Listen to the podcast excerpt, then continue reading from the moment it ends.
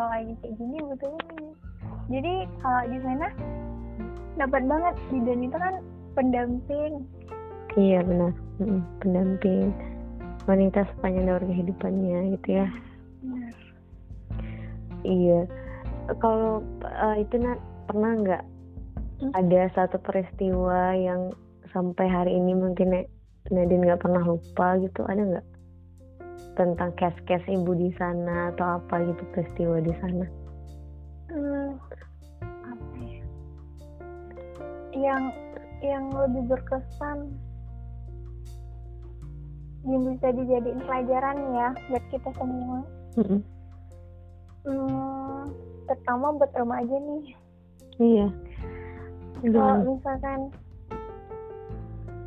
remaja nih kan kan Mm-mm. kita kalau menikah semuanya harus dipersiapkan ya mon benar benar fisik, mm. mental jadi jadi ada satu ketika pas lagi pandemi nih remaja umur yang masih belasan datang ke BTM dengan udah sakit pinggang ke ari-ari baru disambut darah emang kalau misalkan fisiknya belum siap sama ininya.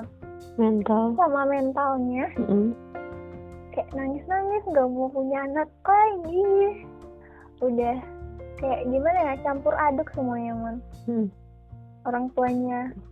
Orang tuanya juga bingung mau ngapain karena masih belasan umurnya. Berapa Nat?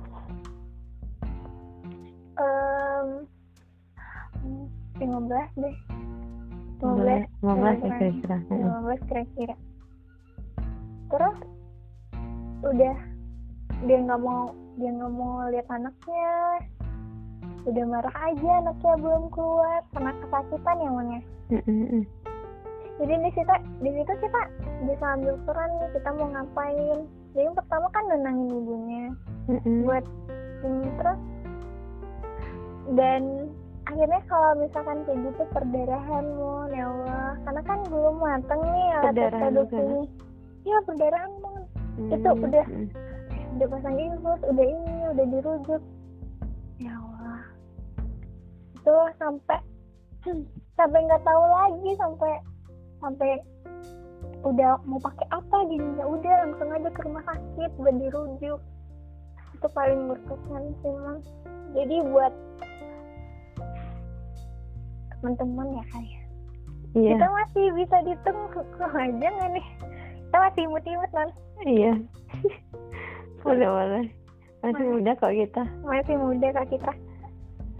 Kalau misalkan udah ada jodohnya udah mau menikah persiapin dulu semuanya. Bener. Mentalnya siap fisiknya siap. Jangan nanti pas udah mau punya anak kita kita nggak siap terima anaknya. Terus nanti anaknya gimana gitu masa iya pas kelahiran eh, anaknya dengar teriakan ibunya nggak mau punya anak. Bener itu ya Nat bener sih. Apa eh, ketika kita dinas itu ya emang eh, bertemu langsung dengan pasien itu kayak pelajaran berharga sih semuanya. Hmm, macam-macam kasusnya macam-macam eh, hikmah yang bisa kita ambil dan kita bisa banyak belajar juga dari pasien gitu. Gak cuma pasien yang belajar dari kita gitu iya kita juga bisa belajar banyak. Belajar sabarnya mon. Hmm, terus Nat eh, apa nih pesan buat teman-teman di luar sana? Mungkin banyak yang berpikir kayak apa sih gitu kerja di BPM jadi asisten bidan mah kerjanya gini gini gini gitu. Mhm. stigma negatif seperti itu. Iya. apa nih yang mau Nadine sampaikan? Jadi buat teman-teman kita kan em, punya target ke depannya beda-beda. Ada yang mau kerja di BPM ada yang mau di rumah sakit ada yang mau jadi daulah ada yang mau jadi ini. Jadi kan bidan jadi kan masih banyak nih stigma di luar sana. Bidan tuh cuma ada di pelayanan doang. Tapi tapi bukan. Kita bisa ambil peran di mana pun. Buat teman-teman yang mau kerja di PPM mutusin kerja di rumah sakit setiap pekerjaan yang bakal kita ambil pasti punya resiko masing-masing ya man ya? Mm-mm, bener. Punya ke- punya kekurangannya punya kelebihan masing-masing kalau kayak Nadine yang memutuskan buat kerja di PPM ya kekurangannya itu waktunya terbatas. Kadang buat libur aja susah buat waktu buat telepon keluarga buat istirahat. Jadi kalau misalkan mau langsung terjun buat kerja siapin dulu deh mentalnya. Kira-kira udah siap nih nggak nih mana aduh aku harus bertanya kepada diriku sendiri mana mana oh iya mana udah mau wisuda nih. Iya. Bulan apa man bulan Agustus. September kalau nggak salah. Oh September. Iya. Udah online kan ya? Jangan. Maunya enggak maunya. Makanya, terus Nat? Mm, udah persiapan dulu. Ke depannya tapi mau gimana? Mau siapin mentalnya. Nanti kalau misalkan udah baru kerja sebulan misalnya kan terus udah nggak siap kan gak enak langsung main keluar aja ya terus persiapin juga misalkan udah memutusin kerja di BPM pilih juga target waktunya mau kerja di sana sampai kapan atau mau gitu-gitu aja. Karena kan kalau misalkan kita kerja di PPM kan cari pengalaman ya man iya benar. Sebelum Benar. mau terjun ke rumah sakit atau mau bikin praktek mandiri sendiri. Hmm. butuh pengalaman mau kerja berapa lama di sana mau apa yang diambil ke depannya mau gimana apa mau memutusin kerja di PPM selamanya apa ada target waktu kayak enam bulan atau setahun atau dua tahun itu tergantung balik lagi ke keinginan masing-masing ke depannya mau gimana Iya, iya sih. Eh, dan itu juga proses ya, Nak. Nggak Hmm. apa-apa kali ya kita mulai dari BPM dulu, ke- Iya. terus atau mau ke puskesmas dulu, atau mau ke rumah sakit dulu. Ya, setiap pekerjaan itu sama aja kok. Itu intinya tuh balik ke kitanya. Hmm, hmm, hmm. Di mana tempat. Jadi Mm, mm, buat Nadine yang ngerasa pas kuliah masih kurang man buat praktek ya kan Heeh, kurang waktu terus belum ditempatin di tempat yang pasiennya sedikit gitu kali ya. sedikit yang nggak terlalu banyak jadi tindakannya kurang buat Nadine yang ngerasa itu makanya Nadine memilih buat kerja di PPM Iya benar-benar. Jadi kalau misalkan teman-teman mau kerja di BPM juga siapin semuanya. Mau kerja di sana sampai kapan? Ke depannya mau gimana? Harus tahu ya kita mau di BPM tuh ya cari apanya gitu, mau ngapain. cari apanya iya. mau Benar. cari soft skillnya atau mau memperkuat hard skillnya. Ya tanya lagi balik ke diri masing-masing man Iya iya benar sih harus ditanya lagi apa sih yang kita cari gitu ya. iya kalau misalkan kan ada tuh teman-teman yang uh, bilang oh kayaknya aku nggak cocok di pelayanan ya udah kalau misalkan nggak cocok di pelayanan habis ini mau ke mana Iya kalau nggak cocok di pelayanan, iya sekolah lagi. sekolah lagi jadi dosen iya kalau misalnya maunya ke sana gitu ya. Ya iya intinya itu sih ya goal kita ke depan apa? Kalau misalnya mau di pendidikan ya kita harus lanjut. Gitu. Kalau kita mau di atau mau mau mm-mm. bi- mau buka apa kek mau buka home care mau buka ini Iya, lagi ikut ke pelatihan gitu ya ikut pelatihan ya kalau Mm-mm. bikin buka home care ya udah ikut pelatihan. Kalau misalkan mau jadi dosen ya udah kuliah lagi. Itu baik ke pribadi masing-masing lagi man Mm-mm. Maunya jadi apa ke depan ya gimana? ya jadi ya jadi kalau misalkan kita mau bekerja ya tentuin pilihan. Jangan kalau mi- misalkan menurut orang ini kamu bagusnya itu. Jangan gitu tanya baik tanya lagi ke diri masing-masing. Emang kita emang cocok ya di sana? Jangan apa kata orang gitu ya. iya.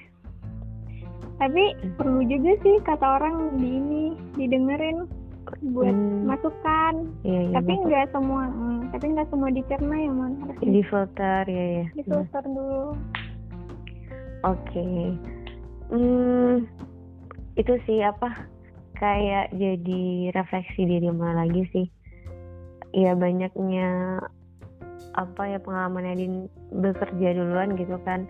jadi kayak cerminan eh, sehektik itulah dunia pekerjaan yang yang misalnya nih kalau Mona ya masih mahasiswa ya masih masih bisa lah untuk ngeluangin waktu organisasi dan sedangkan Nadine gitu kan yang udah kerja tapi masih loyal Mona loyal banget sih Nadine bener sumpah.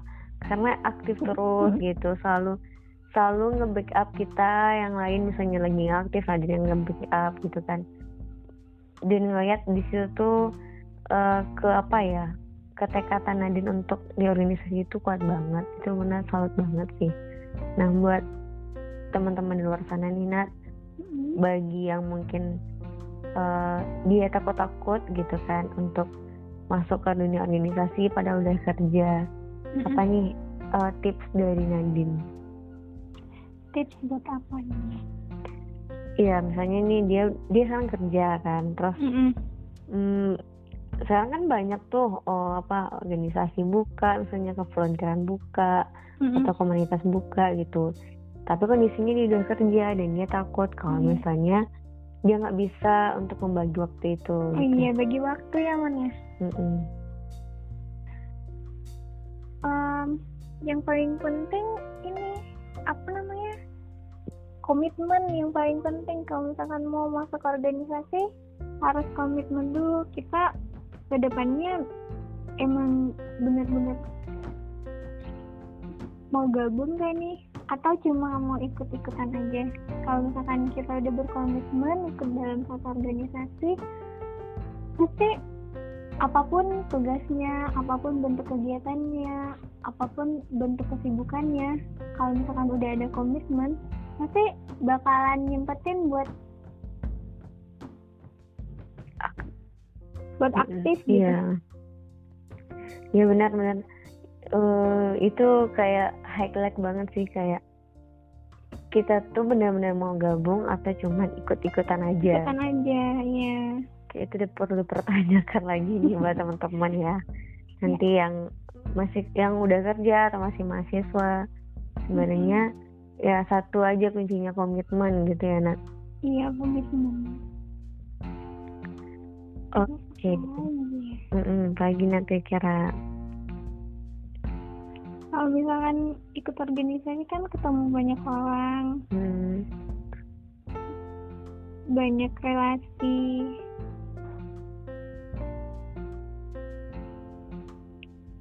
Terus banyak banyak bisa bertukar pikiran juga sama orang-orang. Kayak kalau misalkan menurut Nadine gini belum tentu menurut Mona gini logiknya gitu. Jadi kita saling bertukar pikiran. Iya benar. Terus apa ya kontribusi. Kalau misalkan organisasi bekerja kan untuk kepentingan bersama. Mm. hmm, terus kita harus nentuin nih kontribusi apa yang bisa kita berikan pada organisasi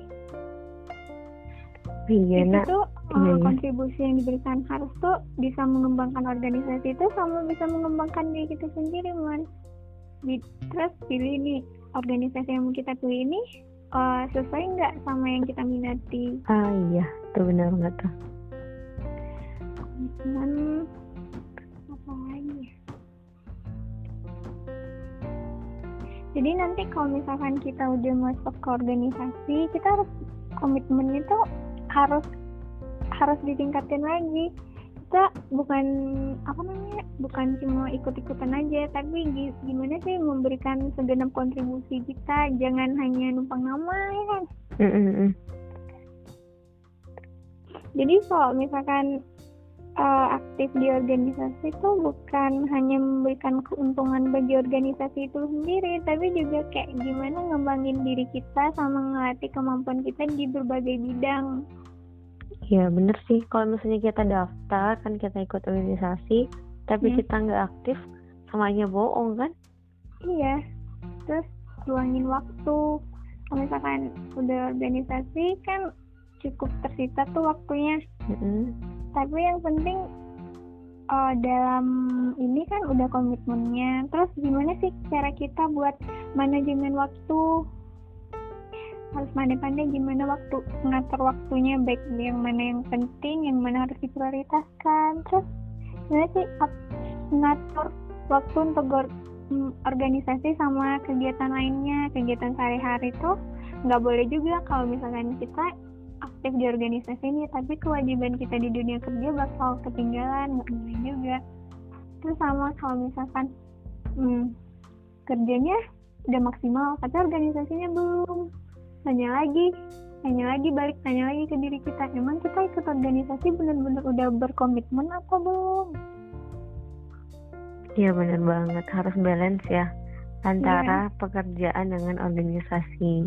Hmm, hmm. Karena dua- dua-duanya sama-sama penting gitu ya. Iya sama-sama penting buat ngembangin diri ya man Mm-mm. itu sih man komitmen. Habis itu kontribusi apa? Kontribusi kita apa? Terus sama luangin waktu. Oke, nah terima kasih ya untuk penjelasannya untuk ngobrol-ngobrol kita malam ini. sama Iya karena, uh semoga dalam obrolan yang berapa menit ini bisa diambil ya pelajarannya ya man banyak banget nih pelajarannya pasti daging semua ini. semua Oke, nah terima kasih untuk waktunya. iya man Padahal kita sebenarnya sering ngobrol ya di di belakang layar. Soal soal ya sih ya, Jadi kalau misalkan mm, yang mau ikut organisasi boleh nih dicontoh Kak Mona. ya kan Nadine mulai promo lagi. Ini kan Nadine juga dicontoh ya pemirsa ya netizen ya. Netizen. Buat yang mau beli buku, apa man judulnya man? Jangan jualan nak. Eh, Jangan jangan. Oke, mungkin karena waktu juga Nat eh, terbatas dan ini udah larut juga. Ya inilah teman-teman eh, kalau untuk berkarya itu butuh perjuangan. Masa jam segini kita harus rekaman tapi nggak apa-apa. Eh, semoga dari percakapan kita hari ini banyak hikmah yang teman-teman bisa ambil ya dan jangan lupa dibagikan ke teman-teman yang yang lainnya. Oke Nadine, terima kasih atas waktunya. Eh, nanti kita lanjutkan lagi di belakang layar ya. Ya. Oke, Nat. Kapan-kapan ajak Ica juga ya man. Oke, siap. Nanti ada versi Ica-nya nanti kita tanya ya. Oke boleh. Oke. Oke, nah, selamat istirahat. Selamat istirahat juga man. Iya, Assalamualaikum warahmatullahi wabarakatuh. Waalaikumsalam warahmatullahi wabarakatuh.